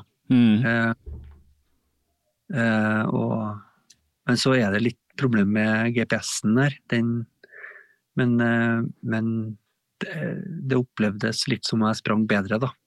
Mm. Um, men eh, så er det jo er det riktig å bruke koffein hvis man er en vanlig koffeindrikker? Altså, mister man effekten hvis man drikker mye? Ja, ja. Så, videre. Så eh, det var ikke noe endelig svar, da, men det er sånn Av og til så gjør man litt eksperimenter på seg sjøl i Kanskje i Vemunds ånd, jeg vet ikke. Men, eh, Mm. men det er det som altså, Nå er jeg jo på en måte per definisjon skada, men jeg tenker at det, det er kanskje den mest interessante perioden. da, fordi at det er også nå, hvis det går dårlig, da, er det liksom hva jeg kan gjøre for eh, Det er jo liksom for, forbedring som er et på en måte et mål, da. Eller Mm. eh, ikke at nødvendigvis forbedring av resultat, eller litt det òg, selvfølgelig, men det er liksom ikke det. Det er prosessen da, som er viktig. Og den der eh, interessante veien tilbake, eller eh, alternativ trening, eller som, som jeg syns er morsom, da. Mm. Um, den der eh, prøving og feiling eh, så Når alt er liksom på topp, så er liksom, da må man tenke at nei, nå må man være forsiktig og holde igjen, eller man må Mens når man er, er på et annet punkt hvor man ikke helt finner ut, så er da man egentlig finner ut hvem man er litt òg. Ja, Det er sant. det blir litt sånn uh, hermenautisk og Heideggers her, men det er liksom Mm. litt den der Hvis du har en radio, så tenker du ikke over hvordan den er bygd opp før den går i stykker. Mm. Og det mm, Sånn jeg på en måte lærer litt av meg sjøl òg, da. Mm. Og så er det også interessant når man da nullstiller kroppen så mye som jeg gjør nå i forhold til trening, hvordan er, det en ny kropp som kommer? Mm. Hvordan kanskje den reagerer annerledes på trening? Mm. Kanskje den eh, tar imot trening på en helt annen måte som gjør at jeg kanskje springer bedre eller har det bedre. Mm. Så det er sånn eh, Det er liksom fikling i Ja, ikke sant? i, Så- både med hodet og med kropp som er morsom, da. Ja. Men gjør noe. Og da, da er på en måte resultatet litt sekundært, da, Ja. tenker jeg litt. Ja. Um, jeg vet ikke om du har det sånn, men um, Eh, jo, jeg også eh, sånn litt sånn eh, nå etter koronaperioden hvor jeg i løpet av den ikke trente så mye intervaller, og, for jeg har holdt på også sånn, ikke sant. Trente trent til løp, og både løpt halvmaraton og maraton og ti og sånn, og holdt på med den. Fullt program og alt det der. Så kom korona, og så ble det slutt på det. Så nå prøver jeg liksom å komme tilbake igjen og kjenne kan jeg løpe fort. Kan jeg løpe liksom intervaller? Uh, hvordan står det til, liksom? Så jeg er litt den utforskningen nå. Jeg må si at uh, jeg er en annen nå enn jeg var for to år siden. Både mentalt og fysisk, uh, helt klart. Um, denne perioden har gjort noe med meg, men det er, det er fordi at jeg har brukt tid på andre ting òg. Jeg har løpt like mye, men jeg har bare ikke løpt på den intensiteten, så jeg har ikke trengt å tenke på løping på samme måte. Um, så jeg har egentlig utforska mer eh, det indre liv enn eh, løpingen i løpet av to år, og det har vært bra for meg personlig. Men eh, ikke så bra for løpingen, da. For nå når jeg begynner, så kjenner jeg at det er tøft, kjempetøft å komme igjen. Eh, men det funker jo. Eh, og trening funker jo, så, så jeg har løpt litt intervall og sånn. Det er bare at jeg må liksom finne ut litt hvordan kroppen responderer og sånn uh, på, på denne treningen. Da. Uh, så jeg Og det har som er ja. Ja. Mm. Unnskyld jeg avbrøt deg, men Nei da, det er, bare, det, det er bare det. Det var litt sånn svar på det spørsmålet der. Ja. jeg får tenke at det at formen min helt sikkert har dumpa veldig, Mm. Eh, er jo positivt. ja. Fordi da responderer kroppen min på trening. Ja. Du bygger Um, opp igjen, ikke sant. Mm. Ja, det er, det er litt det med glasset, da, halvfullt eller Ja. om det Ja. Ja. Så, men jeg velger å tenke sånn da, at uh, veien tilbake blir jo lang, men det blir kult. Ja. og om jeg ikke får til å springe like fort, det er det samme, men hvis, og hvis jeg ikke klarer å springe, da, la oss si at det skjer også, så er det Da må bare finne noe annet å gjøre, Ja, som, ja. som holder seg i spredt. Og Ja. For det er du klar på, liksom. Du, er, du liker å holde formen og holde på med noe. ja, jeg tenker for jeg har jo en jobb der jeg sitter mye, Mm. eh, og um, jeg må ha de forskjellige bevegelser, bevegelsene også for å få i gang hodet. Mm. Men em, hvis, hvis jeg bare sitter, så da, da stopper både hodet og kroppen, og jeg må ha noe annet. Jeg må det, det handler om, om stimuli, da. Og Mm. få vridd seg i en sånn retning at man kan å, ha det artig mens man både beveger seg, og mens man skriver, og mens man gjør ting. Ja. Um, Bare det var én ting jeg skulle si i forbindelse med koffeinsaken din som jeg fant her. Uh, det er en annen journalistforfatter som også har skrevet, at han er mest forfatter kanskje, om koffein uh, for ikke så lenge siden i en bok. Uh, Michael Pollen, har du hørt om han? Nei, jeg har ikke det. Mye jeg ikke har hørt om. Nei, Eh, hva skriver han? Eh, Han, han skriver Han har skrevet mye om uh, mat og planter. Um, mm. han skrev en bok om psykedelika, faktisk. Uh, How to Change Your Mind, som har blitt ganske kjent. Som jeg, jeg vet det er en av intervjuene han. Skrev en bok nå i fjor uh, som heter This Is Your Mind on Plants. Uh, og da tar han for seg annet koffein. Jeg bare tenkte på det, for jeg hørte en sånn lydbok i fjor. Eh, og Der tar han opp veldig mye av det der. Hva er det som skjer i hodet, og sånn, men også historien til koffein. Da. Hva skjedde når koffein kom til Europa fra Sør-Amerika, når vi begynte å handle og sånn? Eller europeerne dro dit og begynte å ta med seg ting tilbake. Det høres, spennende, høres spennende ut. det den er veldig spennende. Ja. Det, den, han mener jo at det har hatt masse å si, ikke bare han, men andre, at liksom masse å si for kapitalismen. Da. At koffeinen kom inn. At liksom arbeiderne kunne liksom jobbe hardere. Og når de tok pauser, så var det liksom for å drikke kaffe. ikke sant? Gratis kaffe på jobb og sånn. For å holde liksom alle i gang, da. Så det er liksom noe som har uh, vært bra for det kapitalistiske systemet, da. Koffeinen, som gjør oss veldig gira. Uh, jeg, jeg er jo en av de som drikker kaffe. Ikke voldsomme mengder, jeg prøver å holde meg til to kopper om dagen, og begge to helst før liksom klokka er elleve, da. Så én tidlig, og så én etter en time, to, eller sånt. Så, men det er jo de som går på det hele dagen. Men det kan ikke jeg, faktisk, for jeg får ikke sove hvis jeg drikker det. Og det handler om at halveringstiden på koffein blant annet er eh, seks timer, tror jeg. Ja. Eller om det er tolv. Ja. Men det er hvert fall det er mye koffein igjen i blodet hvis du drikker liksom koffein klokka seks om kvelden. Så er det mye igjen Mm. i kroppen. Men uh, noen kan sovne med det, og noen kan ikke det. Så det er liksom veldig sånn. Men uh, han også gjør en test på seg selv, litt sånn som deg. Han slutter å drikke kaffe uh, i tre måneder og kjenner på de der tilbaketrekningssymptomene, withdrawal symptoms, eller hva det heter, når du slutter med noe, ikke sant. Du blir jo veldig avhengig av det, og det er mye hodepine og mye fælt og mye trøtt og sånn, men så går det over, og så er det greit. Kommer tilbake til baseline, og så prøver han kaffe igjen. Og da opplever han litt sånn som deg, jeg leste ikke her, men at det liksom er en voldsom effekt, da, eh, rett og slett. Så kan jo den voldsomme effekten være GPS-sporinga.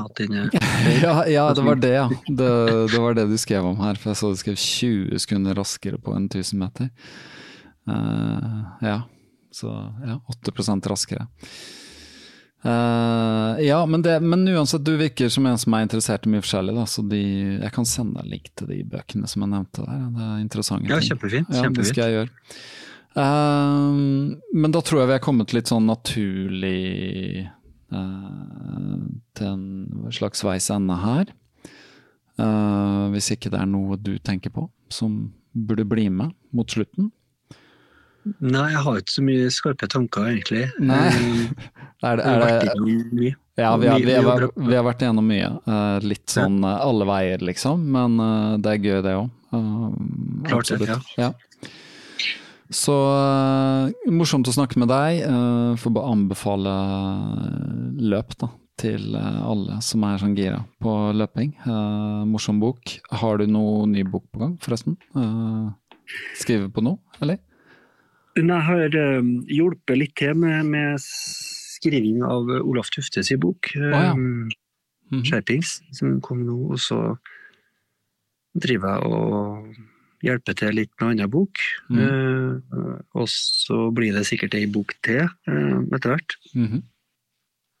Som også blir Ja, den blir litt sånn, ja.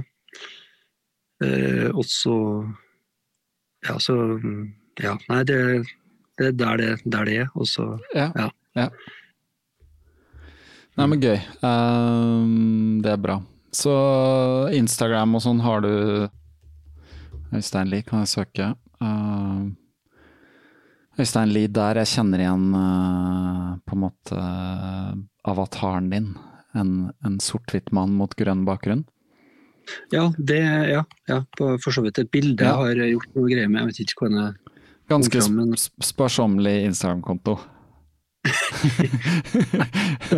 men det er kanskje det Men eh, jeg linker til den, så får du bare Så får vi la det være en oppfordring til å poste mer, Ja. mer bilder.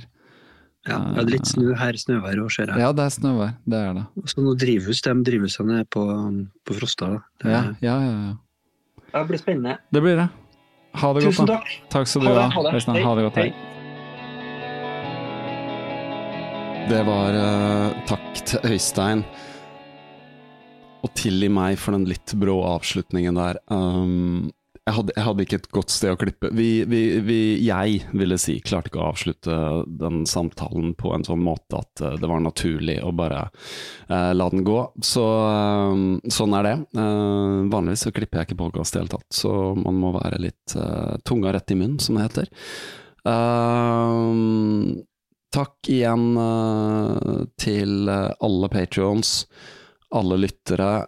Veldig gøy å se at uh, podkasten har et liv der ute. Uh, og om det er noe, så bare send meg en melding på Patrion eller på Instagram eller en e-post eller hva som helst. Setter stor pris på at dere deler podkasten på Instagram og slike ting. Uh, kjempegøy. Så får dere bare uh, smøre med tålmodighet. Uh, om to uker så kommer det en ny episode. Så nyt her. uh, Sondre Lerches eminente gitarspill mens du bare flyter videre på lette sko og gode bein.